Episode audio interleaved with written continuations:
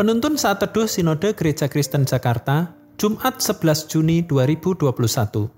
Kesatuan dalam melayani.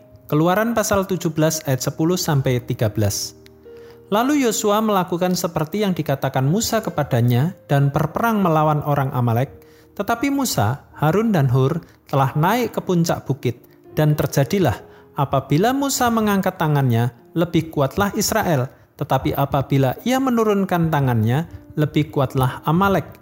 Maka penatlah tangan Musa, sebab itu mereka mengambil sebuah batu, diletakkanlah di bawahnya, supaya ia duduk di atasnya. Harun dan Hur menopang kedua belah tangannya, seorang di sisi yang satu, seorang di sisi yang lain, sehingga tangannya tidak bergerak sampai matahari terbenam. Demikianlah Yosua mengalahkan Amalek dan rakyatnya dengan mata pedang. Ada sekelompok pemuda di satu gereja yang melatih pikiran dan perasaan mereka serupa Kristus, sehingga menolong mereka untuk saling mengasihi, melengkapi. Bentuk pelayanan mereka berbeda-beda. Ada yang melayani sebagai pemimpin ibadah, ada yang melayani sebagai pemandu nyanyian jemaat, ada yang melayani sebagai pemain musik, ada yang melayani sebagai operator multimedia dan sound system Para pemuda ini melayani berdasarkan nilai-nilai kebenaran firman Tuhan. Mereka menampilkan kesatuan.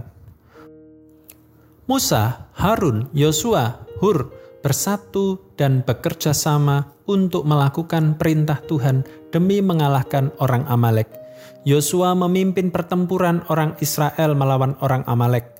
Perintah Tuhan kepada Musa sebagai strategi kemenangan orang Israel melawan orang Amalek adalah dengan Musa naik ke puncak bukit dan mengangkat tongkat Allah di tangannya, sementara Yosua dan orang Israel berperang. Maka Musa mengangkat tongkat tersebut sehingga orang Israel lebih kuat. Namun apabila dia menurunkan tongkat itu, maka orang Amalek yang menjadi lebih kuat. Musa tidak kuat untuk terus-menerus mengangkat tangannya maka dia dibantu oleh Harun dan Hur untuk menopang kedua belah tangannya, seorang di sisi yang satu, seorang di sisi yang lain, sehingga tangannya tidak bergerak sampai matahari terbenam. Pada akhirnya, orang Israel mengalahkan orang Amalek dengan strategi perang yang sangat ajaib dari Tuhan.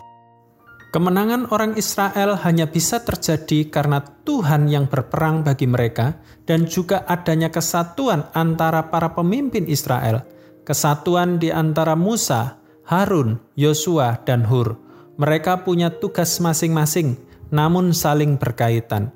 Mereka tidak bisa mempertahankan ego masing-masing. Itu akan mendatangkan celaka bagi semua orang Israel mereka menundukkan hati mereka di hadapan Tuhan, sehingga siap melakukan tugas masing-masing tanpa harus merendahkan satu dengan yang lainnya. Ada tantangan pelayanan dalam gereja, semua orang yang ada di dalamnya tidak bisa mempertahankan ego masing-masing. Itu akan mendatangkan kekacauan bagi semuanya. Yang perlu dilakukan adalah menundukkan hati di hadapan Tuhan, sehingga dapat menghargai tugas masing-masing, serta melakukannya dengan segenap hati tanpa harus menghakimi satu dengan yang lain. Dengan demikian, kesatuan dalam melayani akan terwujud. Salah satu musuh besar dalam mewujudkan kesatuan dalam melayani adalah ego Tergantung Anda mau ditundukkan atau dibiarkan. Tuhan Yesus memberkati.